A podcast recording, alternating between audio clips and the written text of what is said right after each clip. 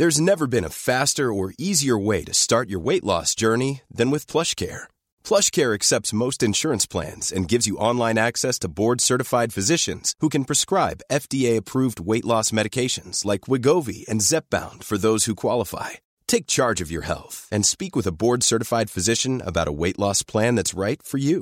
Get started today at plushcare.com slash weight loss. That's plushcare.com slash weight loss. plushcare.com slash weight loss. Mom deserves the best, and there's no better place to shop for Mother's Day than Whole Foods Market. They're your destination for unbeatable savings, from premium gifts to show-stopping flowers and irresistible desserts. Start by saving 33% with Prime on all body care and candles. Then get a 15-stem bunch of tulips for just $9.99 each with Prime. Round out Mom's menu with festive rosé, irresistible berry chantilly cake, and more special treats. Come celebrate Mother's Day at Whole Foods Market. Systrarna Elvstrands hästpodd är producerad av Mediahouse by RF. Hej på er allesammans och välkomna till avsnitt 114 av systrarna Elfstrands hästpodd. Och det här är faktiskt avsnitt 114. Ja, jag råkade säga fel i förra avsnittet. Ja, och jag blir lite sån här, det är väl inte hela världen, men samtidigt så måste vi firas när firas kan, typ när det är avsnitt 100 och så vidare. Så då vill man ju hålla koll på avsnittsnumren. Precis, men nu är det avsnitt 114 och jag som pratar nu heter Emma. Och jag som pratar nu heter Anna och det här är podden om mig, Emma, våra tre nuvarande hästar och ja, vem vet, kanske en framtida ny stjärna någon gång i hagen. Någon gång lär det ju bli det. Ja, vi kommer inte sluta med hästar efter att de här tre vi har nu ja, dör eller säljs. Nej, exakt. Nej, usch, usch, det vill vi inte tänka på nu. Men hur mår du idag Eva? Jo, men jag mår bra. Vi, vi spelar faktiskt in det här på påskdagen. Ja, Mm, så igår var det alltså påskafton och för vår del innebar det att det blev lite fest med några kompisar. det stämmer bra det. Vi hade lite middag hemma hos mig och Samuel. Bjöd på god mat, eller ja, alltså Samuel är så rolig. Vi bjöd på lax, potatis och en västerbottenostsås. Och till dig så blev det ju cornfilé då eftersom du inte äter fisk. Ja. Men alltså Samuel är en sån himla potatisperfektionist. Mhm. Han hatar när potatis blir lite överkokt. Ja. Och då skulle vi ha sån här mandelpotatis för att delikatesspotatisen var slut. Mm. Och det är lite mindre potatisar. Och vi är ju vana vid kanske alltså, normalstora potatisar. Jo. Så de råkade ju lite halvt koka sönder. Och då tyckte han att det var världens katastrof. Ja, nej, jag bryr mig inte så mycket om sånt faktiskt. Nej men inte jag heller. Speciellt inte, alltså man har ju sås till tänker jag. Mm. Då spelar det absolut ingen roll. Så det blev bra ändå. Ja men jag håller med och det var en väldigt trevlig kväll.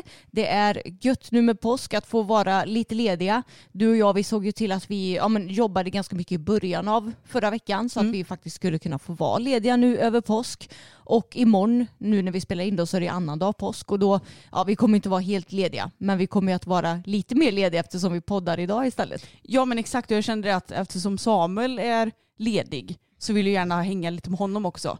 Så jag passar på nu, han har ändå rep med sitt band på söndagar så Ja, då ja. kan jag ju lika gärna göra lite nytt så tänker jag. Ja men perfekt. Men hur är läget med dig Ansi? Nej men alltså jag är så trött. Jag vet inte om jag blev lite matförgiftad igår eller någonting. Ja. Inte av vår mat ska tilläggas. Nej. Utan jag köpte en sallad på ICA till lunch. Och nej men alltså i natt har inte jag sovit så jättemycket för att eh, nej jag vet inte min mage sparkar bakut. Så att jag, har, jag är trött. Ja. Det känns som att eh, jag har festat stenhårt även fast jag absolut inte har gjort det. Nej. Men eh, så kan det vara. Nu är det Ja. bättre i alla fall. Ja men skönt det och det kommer väl förhoppningsvis ha lagt sig tills imorgon i alla fall. Ja, det får jag verkligen hoppas. Jag hade tänkt att jag skulle rida fokus idag. Men jag bara, alltså tänk om det slår till igen. Mm. Man vet ju aldrig och jag är alltid lite så här nojig efter en sån här ett skob, eller vad ska man kalla det? Så jag bara, nej han får promeneras idag med dig och Bella. Ja det var mysigt ändå tycker jag. Ja jättemysigt och det är helt fantastiskt väder idag också. Så Ja. att, eh, att promenera det är inte fy skam då. Nej men alltså april och maj det är ju de bästa månaderna att ha häst på tycker jag. Ja, För det är behagligt väder ute.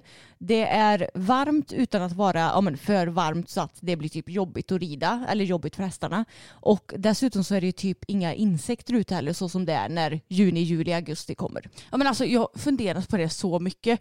Det måste ju vara asmycket insekter just i Sverige eller? Ja men det, kän det känns ju inte som att det är lika mycket insekter om man åker utomlands tycker jag. Nej. Men det är väl kanske att det finns olika sorters insekter kanske här och men det känns ju som att det är mycket mer mygg och ja, getingar och Och bitande jävla insekter här. ja precis typ bromsar och blindningar och eh, även flugor och sådär. Det- Ja, jag vet inte, jag får för mig att vi har väldigt mycket insekter här uppe i Norden.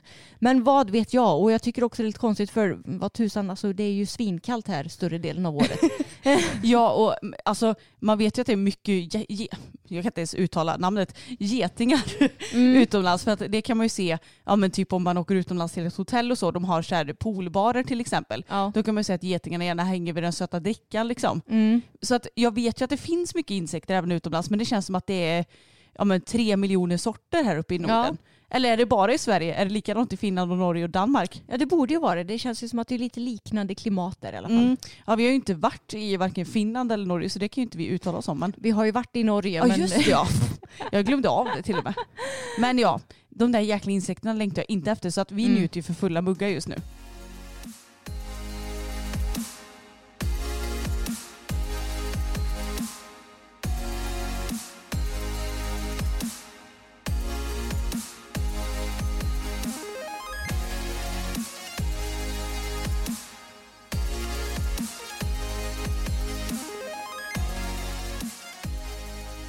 Men Anna du har ju återigen haft ett litet meltdown med fokus. Ja, undrar vilken det blir i ordningen. Hundrade? Ja det, det har varit ett antal stycken kan jag ju säga som är eh, med eh, medberoende tänkte jag säga vid sidan Ja. av dig här du i din och fokus lilla resa. Men i alla fall det som är tur är att du är ju nästan aldrig att du har något meltdown på honom och vad han gör utan nu är det ju bara hans kropp. ja. ja, men alltså det går ju lite upp och ner det här med den fan- fantastiska muggen. Alltså igår så skulle jag eh, ta in honom och rida en sväng tänkte jag. Och då insåg jag först att oj vad svullen han är i vänster bak.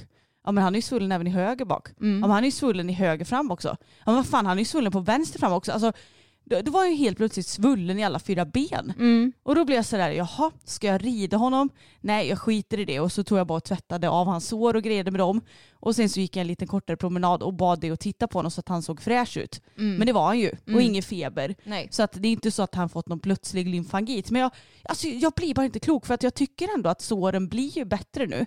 Han har knappt några sår på frambenen längre utan Nej. det är ju bakbenen som är värst. Men varför i hela friden blir han svullen i benen nu då helt plötsligt? Ja det är märkligt. Ja och jag menar det är inte så att han, det är ju en grej att han kanske hade kunnat bli lite svullen, se att han var en häst som stod på box och att eh, när man ska släppa ut dem på morgonen att han är lite svullen för att han har stått stilla och blodcirkulationen inte riktigt är igång. Men nu när det är varmare ute då knallar de runt mer i hagen. Så att jag, alltså jag får inte ihop den här ekvationen. Nej, inte jag heller. Jag tycker det är väldigt märkligt för jag hade ju inne honom ja, men dagen innan och red ut med honom. Eh, och då var han ju inte något svullen i benen. Nej, så jag fattar inte vad det är som pågår. Men du sa ju det till mig också att jag tror inte att du ska ja, men lägga så stor vikt vid det utan Nej. bara skit i det och så länge han är fräsch, alltså inte halt eller så, så är det väl bara att köra på. Ja, Vi har ju ändå en plan och det verkar ju ändå som att det hjälper så att vi får väl bara försöka att vara lite lugna i det. Men det är bara så frustrerande och jag blir galen på det här alltså. mm, jag vet. Men som sagt, jag tror överanalysera inte för mycket utan ja, men försök kanske att rid på som vanligt och eh, så får du ju bara hålla koll så att såren liksom inte går upp igen utan att de hålls i schack och sen är det klart att om man är halt så är det klart att du inte kan, alltså ska rida Nej. som vanligt. Men jag tror nog absolut att du kan fortsätta rida som vanligt och inte lägga för stor vikt i det. För det var ju samma eh, ja, men med Bella och hennes skada som hon har nu. Hon blev ju svullen i benet igen efter att den första svullnaden hade gått ner. Men sen när jag åkte in henne, med henne till veterinären så var hon ju alltså, jättefin och inte något halt och sådär. Nej. Eh, Så jag tror att, jag känner lite samma nu med Bellas ben, att om hon skulle bli lite svullen någon dag, alltså så ska inte jag heller lägga någon större vikt vid det, utan det viktiga är ju att jag känner att hon rör sig bra. Ja men det är nog väldigt sant som du säger men alltså det är så fysiskt, nej inte fysiskt påfrestande men det är väldigt psykiskt påfrestande det här. Ja. Och man vill ju sina hästar det bästa och alltså ibland känner jag mig bara som världens sämsta matte som haft de här jävla såren hur länge som helst men jag gör ju allt. Mm, jag vet. Så att det är så, åh, det är så frustrerande. Jag vill bara ta typ en kniv och skära bort det hudlaget och transplantera dit ny hud eller något. Ja. Nej det skulle jag ju aldrig göra för att det hade gjort väldigt ont på honom. Men åh, jag blir så arg. Mm, jag vet. Men förutom det här lilla meltdownet då så har ju vi ändå haft en bra vecka med hästarna skulle jag säga. Ja men det tycker jag verkligen. Eh, vi har väl egentligen mestadels ridit ut. Men vi fick ju till något dressyrpass. Du snodde ju faktiskt fokus från mig. Ja men jag blev ju lite sugen på att rida honom honom nu när jag ja, men bara rider ut med Bella för tillfället. Och förra gången jag red honom det var när jag tränade för Johan för ett par månader sedan. Och låt mig säga att det var bara klag i en hel halvtimme. Ja men alltså jag, han kändes inte alls bra då. Han var så himla dykig och tung och seg. Han var liksom inte nått framme för skänken. Men nu tog vi Tage och Fokus till ridhuset för några dagar sedan och så red jag Fokus då. Och då kändes det mycket bättre. Mm, det såg väldigt bra ut. Ja men det kändes bra. Så det enda nu som jag tycker är klurigt med Fokus det är att fatta vänstergalopp och att galoppera i höger varv. Ja, jag har ju inga bekymmer att galoppera i höger varv. Men att fatta vänstergalopp är svårt på honom för han vill gärna springa lite in i den Ja galoppen. men exakt. Så att jag vet inte riktigt. Eh, Oftast får jag till de fattningarna men det är lite klurigt för att det känns som att det spelar ingen riktig roll vad man själv gör. Mm. Om man tar en extra tydlig halvhalt innan. Alltså det gör liksom ingen skillnad. Nej, för jag kände att jag provade ändå lite olika grejer. Ja, men vad händer om jag kortar traven? Vad händer om jag liksom ger lite större skänkelhjälp och så vidare? Men det kändes inte som om någonting direkt gjorde sådär jättestor skillnad. Nej. Men jag är ändå alltså, jättenöjd med känslan jag fick i traven. Jag tycker att han är mycket bättre i skänkelvickningarna nu, även när man sitter ner. För förut så gick han ganska bra i skänkelvickningarna om man red lätt, att han behöll bjudningen. Men nu tycker jag att han behåller bjudningen mycket mer även när man sitter ner. Han går fram mycket bättre. Han gör liksom en bra korrekt skänkelvikning. Han känns fin och stadig i traven. Och ja, men som sagt, det enda som är lite klurigt är galoppen. Och eh, jag kanske snor honom lite mer för vi har ju pratat om att du och jag ska byta häst på tävling någon gång Anna. Mm. Och nu har ju inte jag någon häst att tävla på så vem vet jag kanske kommer sno fokus för kanske någon lätt B-klassig dressyr någon gång i maj eller något. Ja men det får du såklart göra. Så eh, det blir väl spännande om det blir av. Ja, Och jag får la tävla Bella när hon kan tävlas helt enkelt. precis. Jag håller ju tummarna för att igångsättningen ska flytta på bra. Vi skrittar ju och travar nu bara men alltså hon känns precis som vanligt. Hon, Hon är ju superfin. döpig. Hon, ja, hon är väldigt pigg då. när hon väl får trava. Hon är sån här så att eh, när man skrittar ute så går det oftast ganska så lugnt och fint. Men det är ju när man kommer igång och börjar trava, det är då hon sätter in sin racerväxel. Och då gäller det ju att eh, man liksom har koll på bromsen, vilket inte heller alltid är jättelätt för jag rider ju nästan alltid ut på bettlös på henne. Och då har ju hon lite mer kontroll över att hon kan dra iväg. Men eh, jag tycker ändå att det bettlösa är trevligt att rida på för jag tycker hon jobbar i en ja, men fin form på det och det, det är ju bra för henne att slippa ha bett i munnen i onödan och sådär liksom. Men eh, nej, hon känns superbra, hon känns precis som vanligt förutom att hon är ganska pigg då. Så det är kul. Nu ska vi den här veckan då utöka traven ännu mer och ja, så kommer vi fortsätta på det sättet och jag tänker att om det kommer att fortsätta kännas bra får jag säkert börja galoppera snart och så igen också. Ja men det tror jag också. Det känns inte som att det är så lång utdragen igångsättning Nej. förutsatt att hon får hållas fräsch då. Exakt. Men eh, det var så kul för att jag red ju före dig med fokus en Mm. av dagarna nu i veckan för att ja, men det, hon var lite fjompig den dagen. Ja. Och sen så tänkte jag också att det kan ju kanske vara bra för henne att inte bara få älga iväg i sitt tempo. Nej precis. Men alltså hon var så arg då. Ja. Hon ville ju typ bita fokus i rumpan Ja. han var så himla långsam tyckte hon.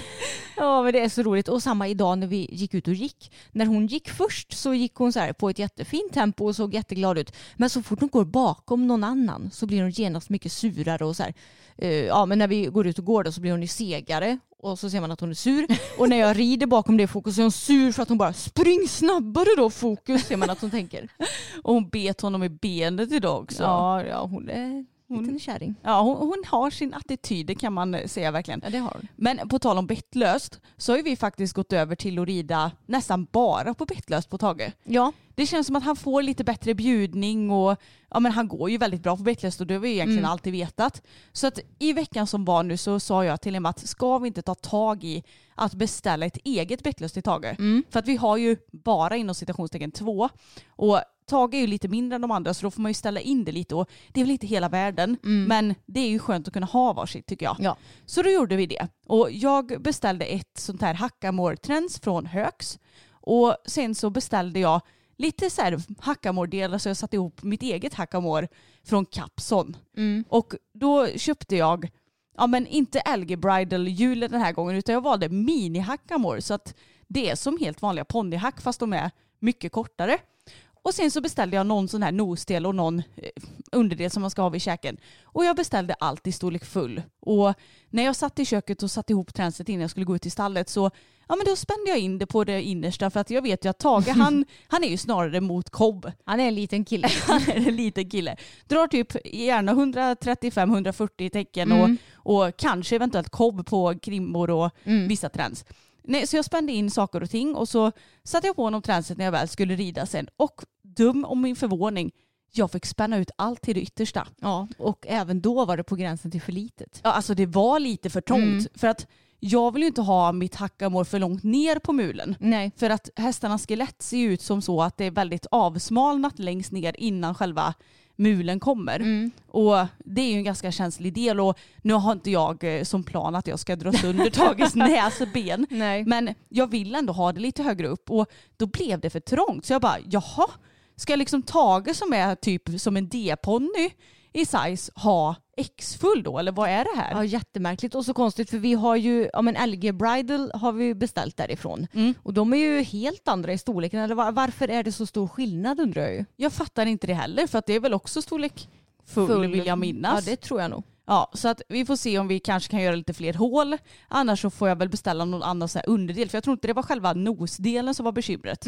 Utan det var väl den här käkdelen liksom. Ja okej. Men det känns ändå skönt att han har fått sitt eget träns nu. Så vi får bara mixtra lite till så blir det helt optimalt för, för lille Taggebagge. Ja precis, vi har sagt det att bettlöst eller halsring får det bli på honom nu. För det, man märker att det är det som han trivs bäst med. Ja, och jag måste den här veckan rida honom i halsring ett pass för det Mm. är ju så kul. Ja han är svinrolig att rida i halsring.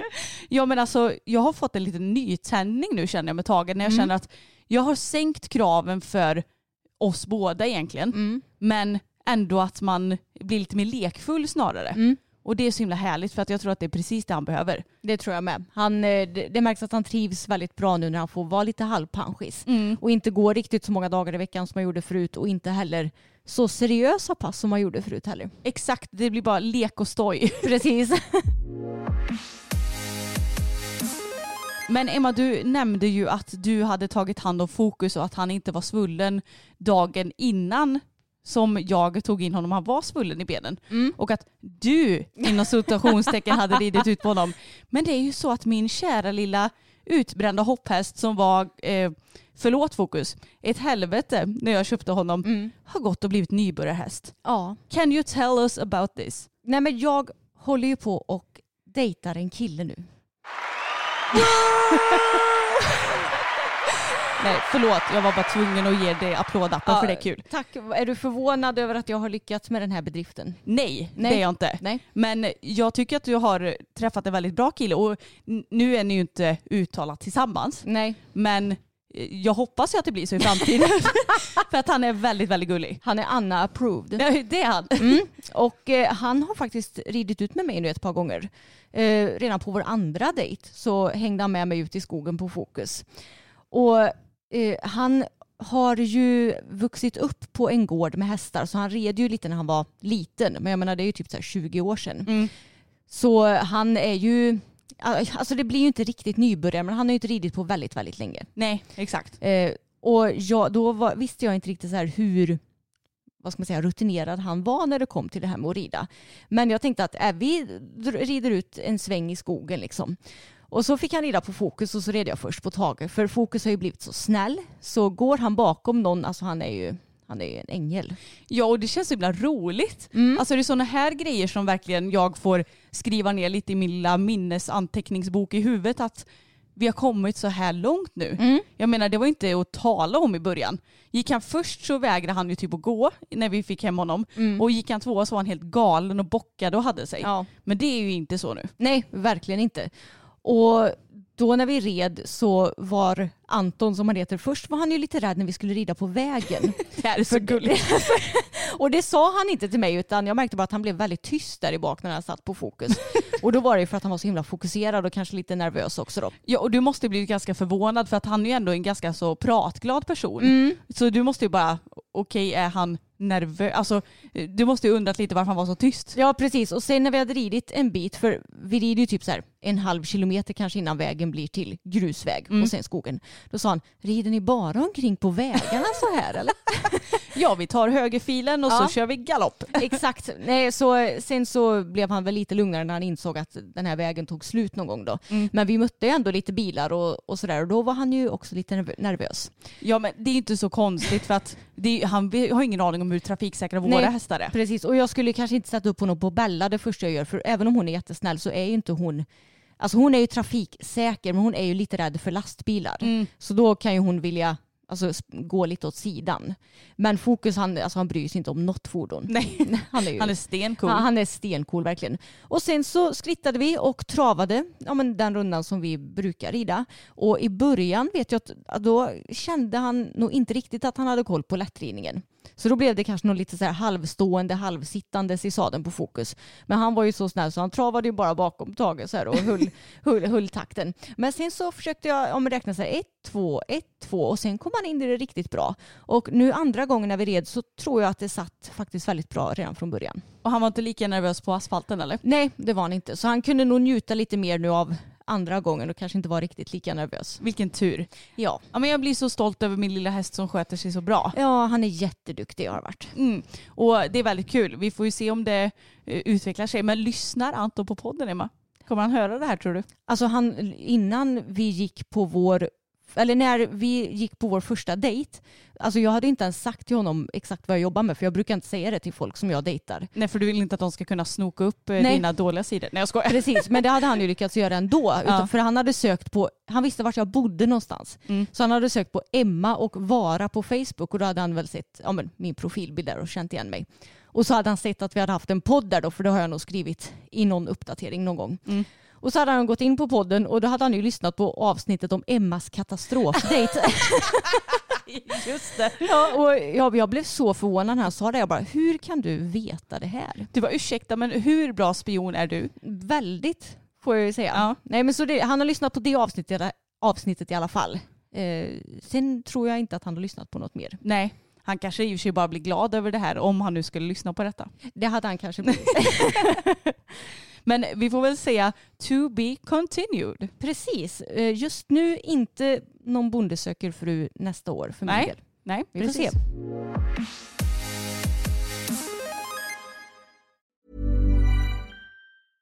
Ready to pop the question? The jewelers at BlueNile.com have got sparkle down to a science with beautiful lab grown diamonds worthy of your most brilliant moments. Their lab grown diamonds are independently graded and guaranteed identical to natural diamonds, and they're ready to ship to your door. Go to BlueNile.com and use promo code LISTEN to get $50 off your purchase of $500 or more. That's code LISTEN at BlueNile.com for $50 off. BlueNile.com code LISTEN. Planning for your next trip? Elevate your travel style with Quince. Quince has all the jet setting essentials you'll want for your next getaway, like European linen, premium luggage options, buttery soft Italian leather bags, and so much more. And is all priced at 50 to 80% less than similar brands. Plus, Quince only works with factories that use safe and ethical manufacturing practices. Pack your bags with high-quality essentials you'll be wearing for vacations to come with Quince. Go to quince.com slash pack for free shipping and 365-day returns. Det, alla som lyssnar på den här podden kan ju kanske inte ha undgått att vi också har en YouTube-kanal. Nej. Och på vår YouTube-kanal så har vi en liten serie, eller ja, den kommer väl inte så regelbundet, den kommer ju när vi får lust, där vi visar priset på hästannonser. Och då såg jag faktiskt det när jag var inne bland våra kommentarer, man kan ju trycka på så här recent typ på YouTube. Då var det någon som hade kommenterat den videon för typ, ja vi hade lagt upp dem för två år sedan. Ja. Och skrev bara herregud vilken skillnad det är på priser på hästar idag. Något som slog mig då också Emma, det är inte det jag ska komma till än egentligen, men Nej. det är att det vore ju ganska så roligt att göra en typ gissa priset på gamla hästannonser så att vi gissar igen på dem vi har gissat på. Jämfört med hur priserna ser ut idag typ. ja, det är sant. Nej, vi behöver kanske inte göra det som video, men det är lite intressant i alla Ja. fall. Men i alla fall, vi letar ju lite smått efter en ny häst. Men alltså just nu känner jag mig så jäkla otaggad. Ja, Jag vet, jag med. Vi var ju taggade när vi hade hittat ja, men den hästen som vi var och provred för några veckor sedan. Och det var ju för att då hittade vi ju en annons och en film på den här hästen så vi kände att wow det här verkar verkligen vara en häst i vår smak. Mm. Men sen efter det så har ju vi ja, men kikat på hästnet och vi har ju fått lite hästar kanske skickade till oss. Men det har inte känts som att något har varit så här. Alltså vi har inte blivit så intresserade av något för att det känns som att det alltid har varit något som inte riktigt eh, passar oss. Ja men antingen så är hästen för stor eller för liten eller så är den över vår prisklass eller så är den över i ålder. Nej, Det är bara så här, det, det är något som inte riktigt stämmer på typ varje annons känns det som. Och jag har ju fnissat lite också när någon skickade tips på en fjording till oss till exempel på 142 centimeter. Det, är ju, det är ju väldigt gulligt men, men det är absolut inte det vi söker. Nej. Nej men alltså vi scrollar ju väldigt mycket på hästnet. Mm. Och jag blir ännu mer otaggad när jag ser så annonser på hästar som förvisso har en väldigt fin stam. Mm. Och jag förstår ju att ston är dyrare än vallackar. Mm. Men när det är ett sto som är, nu kommer jag inte ihåg hur gammal det var, men, Sju typ ja, men typ 6-7 år. Mm. Och så fin stam och så står det att den har typ startat någon lätt B någon gång. Ja men då går jag in och kollar, så här, söker upp namnet. Då har den gått en lätt B på typ 60% Ja. ganska så precis. Vet du vad de ska ha för den här hästen då? Ja, jag vet ju det för jag minns ju vad du sa. Ja, Och- 300 000. Ja, det är helt sjukt. Men jag sa det, jag kan ju för fan sälja Fokus för en halv miljon då. För han har gått medels C på eh, 66 procent nästan. Ja, precis. Nej men det är helt orimligt. Så just nu känner jag bara, ska man behöva råna en bank för att köpa en, en häst? Mm. Alltså det är helt orimligt. Ja, tänk vad du hade kunnat få för fokus va, i dagens Ja. läge. Det enda minuset då det är att han har sår på benen. Ja, så då får jag kanske dra ner priset en hel Ja, del med sådär exakt. 300 000. Annars kärnfrisk häst, gått medels för att se på ja, nästan 66 procent. En gång ska jag tillägga. Ja, en gång. Men, men ändå, han har ju... Godkända resultat i min se alla gånger Ja, faktiskt. Precis det har han. Mm. Så herregud, det är ju en halv miljon på det. Ja, ja, ja. Ja, ja. Minst. Nej, men så jag blir lite opepp. Och frågan är, för att nu spås ju foderpriserna gå upp, vilket Mm. antagligen kommer att ske också för att ja, men allt blir ju dyrare nu. Diesel och bränsle är dyrare och då, det, det är ju bara en uppåtgående spiral Mm. och tyvärr. då blir det ju dyrare för bönderna att producera. producera. Mm. Mm.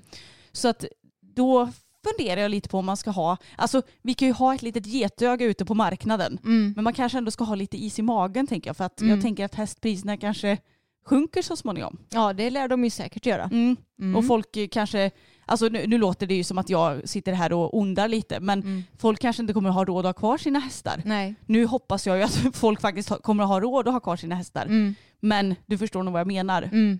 Så att eh, vi får se, just nu känns det bara lite så här o, alltså, opeppigt. När man väl hittar någonting så är det bara så här, nej men har typ så här problem med nacken. Man bara, ja, det vill jag ju köpa. Mm. Eller så hittar man någon som är superfin men har sommarexem. Ja. Alltså det är så här, alltid är det någonting Ja som... men alltså den hästen som vi ska köpa härnäst, det ska ju vara en helt okrånglig häst. Ja. Känner jag. För vi har fan haft tillräckligt med krångel nu det senaste. Ja men så här, jag har inga bekymmer med, det behöver inte vara en helt röntgenfri häst Nej, för att nej. det finns ju i princip inte. Mm. Men den ska fan inte ha några bekymmer med någon nacke eller eh, med några kotor i ryggen. Eller, alltså det ska vara problemfritt även om det kan vara lite tätt liksom. Mm. Så att eh, ja, vi får helt enkelt eh, låta det här ta den tiden det tar. Ja och jag är ju mer sugen på någon hoppig häst nu Anna vet du. Ja jag vet. Mm. För Jag nu, kanske får kom, ge mig. Jag kommer inte kunna hoppa på ett tag nu. Du får ta min häst. Ja men jag kan inte hoppa honom. Nej jag vet. Jag är fan kass på att rida honom. Ja men det är sjukt. Nej, det är jo det, är jag. Eller dressyr går väl an men alltså jag kan inte hoppa honom. Det är helt sjukt. Men du får försöka igen när vi väl kan hoppa honom igen. Ja kanske men alltså jag känner mig så osäker på honom och jag vet ju om att han går ju så bra med dig. Men så fort jag ska rida på honom så rider jag ju fan som en alltså, potta skit. Men han, alltså jag tror att många tror att han är mycket enklare än vad han är. Jag vet. För att han, han är en, en seg orm kan man säga. Men det är ju det som är grejen när du rider honom att det ser ju ofta så himla lätt ut. Och det är ju en eh, komplimang till dig men jag som rider honom, jag vet ju att han är så svår och sen är han ju också så ojämn i bjudningen. Att han kan liksom, i början är ofta seg som en orm och sen kan han komma igång. Sen helt plötsligt, ja då går det inte att svänga. Alltså det, Ja men det är ju lite så, man kan Ja. aldrig förutse hur han kommer vara och rida mot ett hinder. Nej. Jag sa det för jag åkte med Moa på tävling igen. Vi kan prata lite mer om det senare. Eh, Men då så sa jag det att sist vi hopptränade, det var ju i januari. Ja, jag saknar att hoppträna. Och ja, jag hoppas att vi kan göra det snart. Men då var han ju så jäkla lurig för att jag sa det till Moa, då hoppade vi ändå ett hinder på 1,15 fristående och det kändes hur bra som helst. Men på samma träning så var det också så att jag vände upp från en oxer ur sväng Och då fortsatte han att svänga åt höger. Mm, det hände ju exakt. typ så flera, flera gånger under den träningen. Och det är så här, då känner jag inte att han ska slinka förbi. Och det är inte så att han gör det snabbt utan det är bara som att han helt naturligt bara galopperar förbi hindret. Ja. Men jag tror att han är ju lite smart också. Mm. Han är ju en vallack. Han vill inte jobba riktigt i onödan. Mm. Så att han känner att om inte matte riktigt har 100% koll på den där innersidan, nej men då slinker jag ditåt. ja, exakt. Så att han är inte alltid så enkel. Men Nej. eh, när man väl får till all ridning och han också är på sitt bästa humör. Alltså jag har inte suttit på en häst med bättre känsla då. Nej, han, Det är helt underbart att hoppa han är ju väldigt explosiv och fin i sprången. Ja och det är typ aldrig jag känner att så här, oj vad svårt det är att följa honom. Så Nej. det behöver jag aldrig oroa mig för. Mm. Det som jag behöver oroa mig för är att få honom in till hinder på ett på bästa möjliga sätt. Ja men egentligen. precis. Eller oroa mig, men det är det som är svårast. Ja exakt. Han och Bella är ju väldigt olika. För Bella hon har ju väldigt lätt för att komma in i en bra rytm skulle jag säga. Mm. Sen så, em, det, det som kan vara klurigt med henne det är att hon kan ju också vara lite alltså, lat ibland så att man kan, eller hon är ju pigg men lat, det är det som är grejen med henne.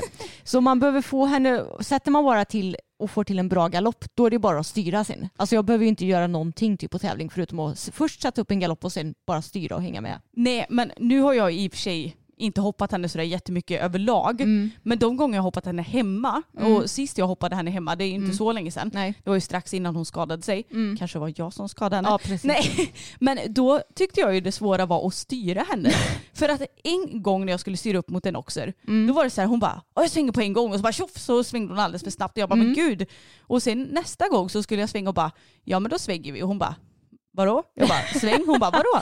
Men sväng då? Hon bara jaha. Ja. Då var hon liksom, då, då ville hon inte alls följa mig trots att jag gav de hjälperna jag tyckte att jag behövde. Ja. Så det tycker jag är klurigt. Men Ja. på tävling så har ju det aldrig känts som något bekymmer. Nej precis och det kanske är också att du och jag, vi rider väl fel på våra alltså, respektive hästar. Alltså när jag rider fokus rider jag fel och när du rider Bella så rider du fel. Exakt. För du, eller jo, det är klart du har ju lite de problemen med fokus men inte som när jag sitter på honom. Och jag har ju inte de problemen med Bella som du beskriver nu till exempel. Nej men det blir ju så att man lär ju sig väldigt mycket på den hästen man har. Det är Mm. inte så konstigt. Nej. Men det är också därför man, ja men vi kanske ska bli ännu bättre på att byta hästar. Vi är ju faktiskt ganska dåliga på det. Ja. Trots att vi sagt flertalet gånger att vi bör göra det oftare. Ja men det blir ju ganska bekvämt för jag tycker att Bella är ro, väldigt rolig att rida. Du tycker att Fokus är väldigt rolig att rida. Då blir det att man vill ju fortsätta rida det som är kul och det som man dessutom tävlar på mest. Exakt, jag menar vi vill ju ändå utvecklas mest på de hästarna vi tävlar så det är ju inte så konstigt. Mm. Men vi kanske borde ta någon sorts för vana att göra det typ varannan vecka eller något. Det behöver Mm. inte vara asofta. Nej precis. Jag var med Moa, vår kompis, Mm. på tävling återigen och det var lika kul den här gången och hennes häst är ju väldigt snäll. Jag eh, fick göra i ordning henne medan Moa var och gick banan för att ja, men, vi trodde nog att vi hade lite mindre tid än vad vi hade. För att ofta så är det så, jag tycker det är så svårt att beräkna hoppning. Ja. Så då fick jag göra i ordning henne medan Moa gick banan och det enda som Sara gör det är att hon tar något litet kliv framåt lite då och då. Mm. Så det var lite klurigt när jag skulle få, bak, få på bakskydden för jag bara Okej, stå still nu Sara. Så hängde jag över tygen på halsen och så bara ett, två, tre och så tog jag på bakskyddet fort som tusan och sen bara tog tag igen. Vad bra. Men det gick hur bra som helst. Och det var något som jag funderade på. Mm. För att då var vi på Grevagården. Och de har haft så här, ja men påskmeeting. Mm. ehm, som nog slutar idag nu när vi spelar in på Mm. söndagen. Och då har de ju blandat ponny och häst. Ja. Vilket ju kanske inte är helt ovanligt. Men då har de blandat som så att de börjar med lätt C på ponny som sen blir en meter på häst. Mm. Och sen så kör de lätt B på ponny och så blir det 1,10 för häst och så vidare. Mm. Så att de liksom har samma bana för ponny och häst. Du förstår vad Ja, jag menar? okej. Så de hade samma bana men att de kanske ändrade de relaterade avstånden och avstånden i kombinationerna. Exakt. Mm. Så resten var ju liksom samma. Och Okej. då tänkte jag, dels är det här smart, Mm. men det är lite segt om man hoppar två klasser. Ja. För Moa hon debuterade ny höjd den här gången och det gick hur bra som helst. Mm. Så att det var skitkul att stå på sidan och vara med på det. Men då skulle hon ju då, jag förstår ju att hon vill rida två klasser då. Mm. För hon sa det också att egentligen föredrar jag att rida en klass. Mm. Men ska man debutera ny höjd så vill man kanske ha en safe klass först. Liksom. Mm. Så jag, jag är lite så här tudelad. Det var ju lite mysigt för att under tiden som hon, när vi hade ridit klart första klassen, så kunde ju hennes häst stå på släpet och äta lite och vi kunde också sitta och titta lite på ponnysarna och fika. Mm. Men samtidigt så är det lite så här, ja, nu är det liksom två, tre timmar mellan klasserna här. Mm. Det är man ju inte riktigt van vid i hoppning. Nej, det är man ju inte. Utan lite mer i dressyren då om man Mm. nu rider två klasser. Men jag tyckte det var lite intressant för att det här konceptet med att blanda på det här viset är jag inte riktigt van vid. Nej. Sen tävlar inte jag så mycket hoppning heller men jag tror att det är mer vanligt att man lägger ponnyklasserna på förmiddagen och Mm. hästklasserna efteråt sen. Ja, precis. Men det sparar ju verkligen på funktionärerna att göra Mm. på det här viset. Ja, det gör det ju. Det sparar ju på funktionärernas tid men kanske inte så mycket på de tävlandes tid. Exakt. Mm. Men eh, det var lite intressant i alla fall för att som sagt jag har inte sett det konceptet så mycket förut. Mm. Och jag tror att jag ändå hoppas lite på att det inte blir till någon vanlig grej. Ja, alltså det är ganska skönt också att antingen ha häst eller ponnytävling tänker jag. Ja men lite så. Och alltså man ska ju inte blanda ponny och häst på framridningar och sånt helst tror jag. Nej, alltså helst inte eftersom ja, men ponnysar är ju lägre än hästar då är det större risk att ryttarna blir kanske sparkade i huvudet eller ja, på, på något ställe där det inte är så bra. Jag har ju varit med om när jag och Bella har varit med på Pay and Jump så vi har delat framridning med ponnysar. Eh, och ponnyekipagen har kanske inte riktigt hållit avstånd och så har Bella sparkat mot dem och Mm. då är det ju mycket större risk att de träffar på något ja, Olämpligt ställe. olämpligt ställe. Exakt. Mm. Nej men så är det ju och jag menar som det blev nu så var det ju ändå så att ja, men när hästekipagen hade ridit klart då kanske de travar av i, på framridningen igen och då kommer ju B-ponnyekipagen att börja värma upp för sin nästa klass Mm. när det sen ska byggas om och grejas. Ja, Liksom. exakt. så att det blir ju lite beblandat men samtidigt så är ju paddocken på Grevagården jättestor så att Ja, det var väl precis. inga större bekymmer. Nej. Men ja, du förstår nog vad jag menar ändå. Ja, det är större risk man ska hoppa fram när det är trångt och sådär. Exakt och Mm. det beblandar de ju såklart inte. Nej. För det hade ju varit jättekonstigt. Mm. Men eh, det var intressant och det var en väldigt härlig dag. Det har ju varit väldigt eh, fint väder i helgen och då, Mm. då är det ju ganska kul att vara på tävling. Det är ju det. Ja, jag är jättetävlingssugen och jättehoppsugen. Jag vet. Ja. Men eh, snart kanske Snooker får börja hoppa och du får väl hoppa gamle Tage lite grann i paddocken hemma ja, kanske. i halsring. Ja, varför inte? Ja, ja, det gick ju bra förra gången. Exakt, så det Mm. kommer gå superbra nu med. Ja. Förra veckan så pratade vi om världscupfinalen i hoppning. Ja, och då var du ju så glad över att... Jag- var ganska så neutral över okej skulle jag kunna snarare säga. Men eh, ja, att Martin Fuchs vann då. För jag sa då i podden att det verkar som att han ja, men är snäll mot hästarna och sådär för att jag inte hade hört någonting annat. Jag hade till och med googlat Martin Fuchs plus abuse. Mm. För om man googlar något liknande så brukar det alltid komma upp ja, men, artiklar eller sådär om någonting. Har, eh, ja, men om någon ryttare har varit i blåsväder liksom. Men då hade jag tydligen helt missat en grej så jag får dementera det jag sa i förra avsnittet. Ja, vi stryker det. Vi stryker det för vi har ju en Facebookgrupp grupp som heter systrarna Älvstrands hästpodd eftersnack.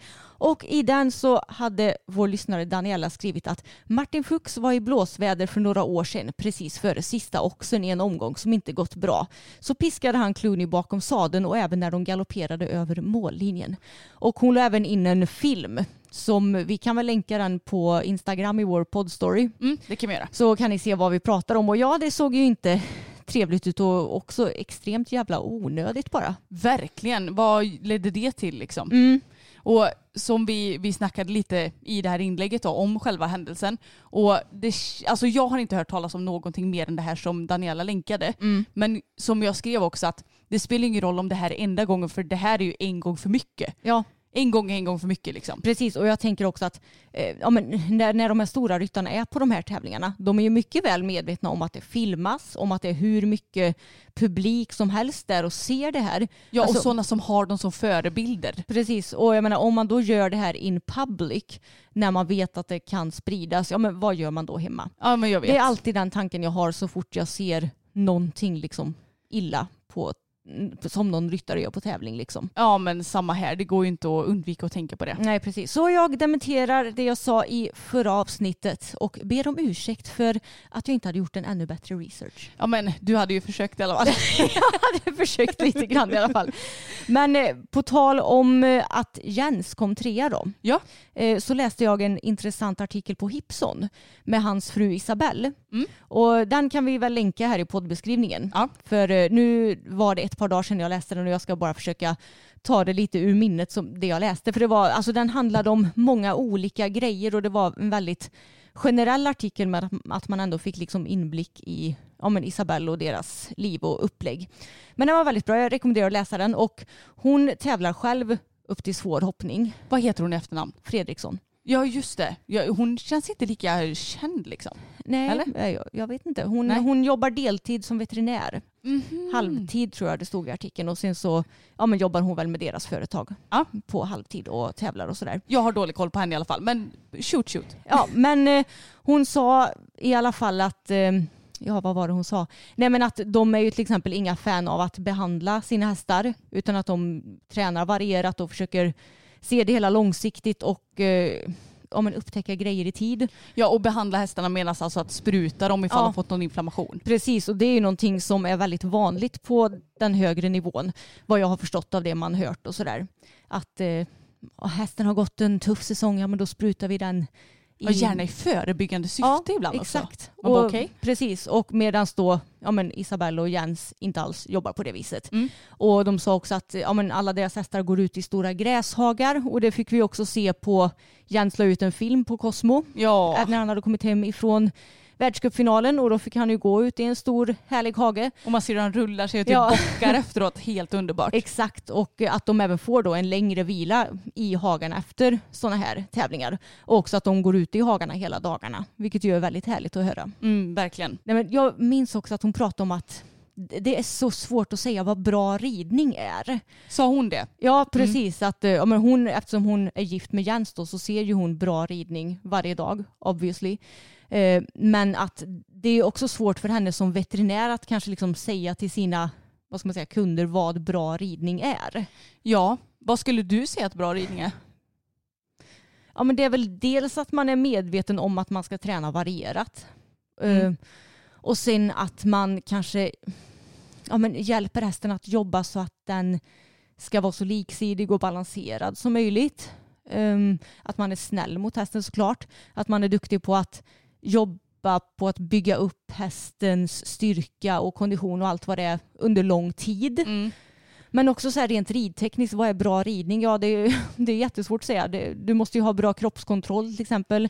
Du måste ju ha bra känsla, men det är jättesvårt att... ja, Jag tror det är det som hon menar, att det är svårt att definiera precis vad som är bra ridning. Exakt, det är svårt att säga bara, ja men du rider bra och du rider dåligt. Mm. Men jag skulle också säga att bra ridning är ju att kunna göra så lite som möjligt. Mm. Och ibland så kanske det krävs något lite större, någon lite större rörelse för att hästen ska förstå vad du menar. Mm. Men att överlag försöka och minska allt så mycket som det går. Mm. Och det jag skulle säga utgör en bra ryttare det är att förstå att man aldrig är fullärd och tro att man vet bäst Ja. lite så också. Ja men exakt. Utan att man hela tiden kan utvecklas. Men det är också så här, det är ju inte bra ridning, det är ju bra ryttare kan jag tycka. Ja, ja exakt. Men ja, jag förstår ju henne också. Mm. Att det kan vara skitsvårt och det måste vara ganska jobbigt att jobba som veterinär i många avseenden om man typ skulle behöva säga till en ryttare att alltså du rider inte tillräckligt bra, det är Mm. därför hästen har fått det här typ. Ja men exakt.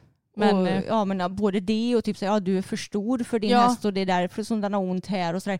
Det kan ju vara ett känsligt yrke på många vis tänker jag. Verkligen. Och gud, ja, jag, jag som är så konflikträdd, jag hade ju inte varit bekväm att behöva säga sådana här saker till folk. fan. Och jag hade tyckt det varit så jobbigt för jag är ju ganska känslosam av mig också. Mm. Tänk att komma med beskedet att nej men det finns inget mer att göra. Mm. Alltså det är fortfarande hä- hästägarens beslut, Mm. antar jag.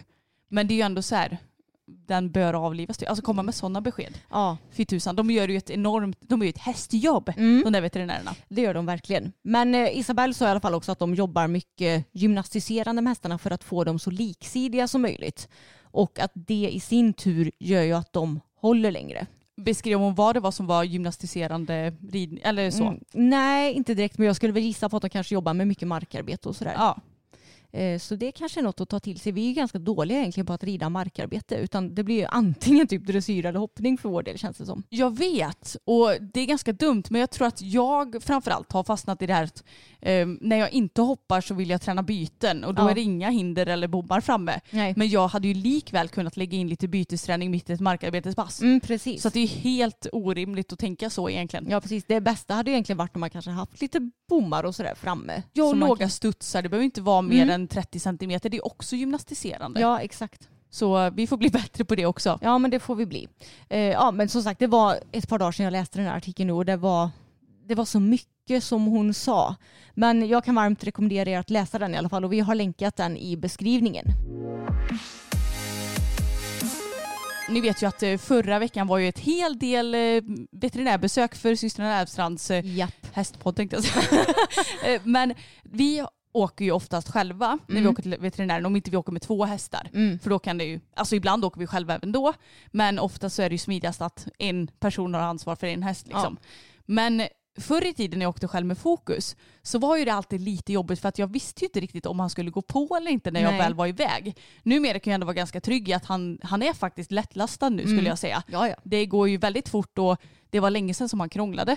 Så att jag tror att det är ett avslutat kapitel. Men det tror jag med. Men jag, då har jag ju funderat lite så här, alltså vad tusan gör jag? Om fokus inte går på, då vill jag ju kanske gärna ha någon som stöttar upp. Mm. Ska man fråga någon av veterinärerna? Mm. Ska jag fråga någon annan kund på veterinärstationen? Alltså Mm. vad gör man egentligen? Ja, precis. Alltså jag kan ju tänka mig att ja, men de som jobbar på veterinärkliniker, att de eh, ganska ofta kanske får hjälpa till i hanteringen av kundernas hästar och då kanske i synnerhet när det kommer till lastning. För jag menar många hästar är ju ändå svårlastade och det är kanske inte så himla kul att stå där i flera timmar Nej. och försöka ta sig hemåt. Men det, jag har ju funderat lite på det här och alltså min tanke kring det hela det är ju att de som jobbar på veterinärkliniken, jag tycker ju att de ska ju jobba med att utreda djuren och att liksom ta hand om djuren inne på kliniken. Och sen är det ju egentligen inte deras inom problem om hästen inte vill gå på transporten. Förstår du vad jag menar? Ja, alltså jag förstår helt vad du menar. Mm. För att jag menar, det är ju alltid en säkerhetsrisk. Jag tycker det alltid är lite jobbigt Ja. om jag får förfrågan att hjälpa till att lasta en häst som Mm. inte jag känner. För att det kan gå väldigt, väldigt, väldigt fort. Speciellt Mm. i sådana situationer. Och är hästen lite svår så kan den stegra sig, sparka, Mm. eh, fäkta med frambenen. Alltså man vet inte vad som kan hända. Nej. Och då är det en jättestor säkerhetsrisk. Mm. Och jag kan tänka mig att det är väl inte säkert alla veterinärer som bara ja, jag ska bara gå och hämta en hjälm. Utan Mm. det, det kanske, de kanske inte ens har hjälmar på Nej. veterinärkliniken. Så det känns som en onödig risk att ta. Speciellt när det inte är ditt jobb. Precis, och jag kan säga att om jag hade varit veterinär så hade jag inte velat ha det här som min arbetsuppgift. Det är väl säkert inte någon som har utan de kanske hjälper till för att vara snälla. Ja, säkert. Eh, men jag är inte heller bekväm med att hjälpa till att lasta andras hästar. Och jag menar vi har ju vår kära pappa som blev sparkad i ansiktet i höstas. Han har fortfarande inga tänder i fram. Nej, det, han har fortfarande inga tänder i fram. Mm. Det, men det kommer han väl kanske få snart eller? Ja, han har precis opererat bort eh, små tandbitar i överkäken, vilket han var jätteorolig för. Alltså, Ja. Det är så gulligt. Men nu ska han nog få så här, alltså inopererat sådana här fästen, eller vad heter det? Mm. Så ja, det kanske är någon månad eller två bort nu. Mm, precis, han får nya fina tänder lagom till sommaren. Ja, men tänk om han får så här supervita tänder Han har nu. boktänder. Brio-godisar typ. ja. Nej, det får vi väl hoppas att han får lite gulnade tänder som matchar hans, resten av hans kaffetänder. Ja, exakt. Nej, men eh, vi, så eftersom det har hänt honom i alla fall så är vi väl medvetna om vad som kan hända om man ska hjälpa till att lasta en häst som man inte känner. Ja, man blir ju lite restriktiv. Mm. Så, och alltså veterinäryrket i sig är ju väldigt riskfyllt. Ja. För jag menar, du, du ska stå och böja hästars ben. Mm. Och jag vet att Moa har pratat om det, för hon, hon är ju veterinär som Mm. har sagt många gånger. Och när man ska sticka en häst, nu kommer jag inte ihåg om det var i typ hovleden? Mm. Nej. Ja, skitsamma, när man ska sticka en häst någonstans på Mm. benet så kan de gärna ofta rycka till så här. Mm. Och då så, för man står ju ganska nära för att se vart man ska sticka så Ja. man sticker rätt. Och då är det väldigt stor risk att man får sig något i huvudet. Mm. Så jag sa det att egentligen är det ju konstigt att ni inte har alltså, mer skyddsutrustning på er. Ja, det är det ju faktiskt. Att man kanske har hjälm, i alla fall Mm. när man ska sticka hästar. Ja. Eh, och ja, det, det är ju en risk helt klart. Det är ju stora djur man har Mm. att göra med. Och våra hästar de är ju supersnälla på kliniken men man ser ju ibland hästar som inte är lika enkla i hanteringen. Ja, och jag menar en häst kan ju inte rå för om den ska bli stucken. Mm. Det kan ju vara en ren reflex att det, jag menar det kan man ju veta själv att, så här, oh, att man rycker till. Mm. Det är ju inte med mening heller. Nej. Det, jag tror inte att någon häst gör saker och ting med mening i och för sig. Men Mm. Så nej, jag, eh, jag hade föredragit att ta hjälp av någon annan än en veterinär för jag känner mig inte bekväm med ens fråga veterinär tror jag. Nej precis och jag tänker att det här är också anledningen till varför man kanske måste lastträna mycket hemma då. Mm. Eh, och att man har att man känner sig trygg med hur man ska lasta sin häst. För jag menar, ibland måste den ju åka till veterinären och då är det viktigt att den går att hantera på ett bra sätt där. Att du kan lasta den på ett säkert sätt där och så vidare. Och ifall du vet med dig att du har en häst som kanske inte är jättelätt att lasta, då tycker jag att man nästan har skyldighet att ta med sig någon som kan hjälpa en. Ja men faktiskt. Och det är klart att alltså, någon gång måste man ju rycka av det här plåstret. Typ som första gången jag skulle åka själv med fokus, jag tyckte det var jättejobbigt. För jag var så här, tänk man inte går på, tänk man inte går på. Men då var jag lite smart och åkte till ridskolan första gången, så ligger fem minuter bort och då sa jag till dig att jag ringer om det inte går. Ja. Men det gick ju hur bra som helst. Och ju mer man gör det desto tryggare blir man ju. Så att man kanske inte behöver åka själv första gången man åker en, två timmar bort. Utan Nej. då kanske man ska välja något lite närmare ställe så man kan få hjälp om man verkligen behöver. Precis. Ja, jag har ju en kärringhäst som är. Tvärtom. Jo, hon är ju för fan helt jävla galen att lasta på hemmaplan. Alltså, det går ju lite upp och ner hur snäll hon är att lasta på hemmaplan. Eh, just nu, och i synnerhet nu när hon inte har gått så mycket, alltså när vi skulle lasta henne till återbesöket. Hon stod på bakbenen, hon vevade med frambenen, hon springer och kastar sig åt sidan och upp och ner. Alltså, hon är överallt och ingenstans. Ja och då kan jag säga att den stora hästen blir väldigt, väldigt snabb. Exakt, hon är, hon är snabb hon. Eh, sen så får jag alltid på henne efter typ så här fem, max tio minuter. Ja men det är så tråkigt att hon ska hålla på och virra runt först. Jag vet, hon gör det. Men hon är ju snäll som ett lamm när man är iväg med henne. Mm. Alltså det kvittar vart man åker. Hon är så jävla snäll oavsett om man är hos veterinären på tävling. Alltså då, hon går på med en gång. Alltså jag, skulle, jag, kommer, jag skulle aldrig behöva med mig någon medhjälpare för hon är så jävla snäll på bortaplan. Ja men alltså du skulle kunna stå 150 meter från transporten och bara Ja. gå in där. Bara, Ja, hon ja. hade bara okej. Ja, hon hade gjort det. Mm. Det är bara på hemmaplan som alla våra bekymmer när det kommer till både ridning och ja, hantering finns. Ja, det, Det- kanske finns en anledning. Ja. Är det spöket Sigrid? Ja, precis. Ja, men det, det är ändå positivt får jag säga. Ja. Jag har henne hellre jobbig på hemmaplan än på bortaplan för då vet jag att hemma då är det bara vi som drabbas. Äh, Förra gången var det inte bara vi som drabbades för då råkade de springa in i vår stallkompis Saras transport så att eh, lampan va, på transporten gick sönder. Av själva blinkersglaset. Mm. Så då fick Sara åka till en mack som vi har här som eh, skulle beställa nytt glas henne och jag bara du får såklart säga när du fått det så vi kan swisha dig pengar. Och hon bara ja ja det löser vi sen. Ja. Det är ju tur att hon är så pass cool för jag hatar när man gör sönder andras saker alltså. Mm. Det spelar ingen roll om det är ett litet blinkersglas för nu vet inte jag hur dyrt det kan vara men det Nej. handlar ju säkert om några hundralappar. Mm. Eller om det är något dyrt, det är ju jobbigt oavsett. Precis. Nej, så eh, jag har ju motsatta problem då. Ja, men som sagt det är ju typ hellre det Ja, ändå. ja verkligen. Jag, jag får hoppas på att det kan gå över snart. Jag får försöka träna henne lite nu. Men problemet är också att hon, hon går ju på liksom när jag tränar henne oftast. För då fattar hon väl att hon inte ska iväg. Det är ju någonting med eh, alltså mitt psyke antar jag när man ska iväg på någonting. Och hon känner på sig för man gör i ordning henne och man tar på henne kanske täcke och skydd och allt. Alltså det, hon känner nog igen det mönstret. Och då måste hon liksom ja, visa det. Ja men du kanske skulle passa på nu de dagarna som du bara skrittar. Då, då tar du lite, för just nu så travar du ju varannan dag Mm. och bara skrittar varannan dag. Någon dag där du har lite mer tid, Mm. då kanske du bara ska så här, ja men alltså du behöver inte göra världens rutin men du kanske kan bara så här knoppa manen lite slarvigt. Typ sätta tofsar i den och så Mm. Ja. det behöver inte vara hela rutinen. Mm. Och ta på henne kanske lite skydd på benen eller någonting. Mm. Och kanske bara så här gå ut och lasta in någon grej och så kanske du ska stressa upp dig själv lite.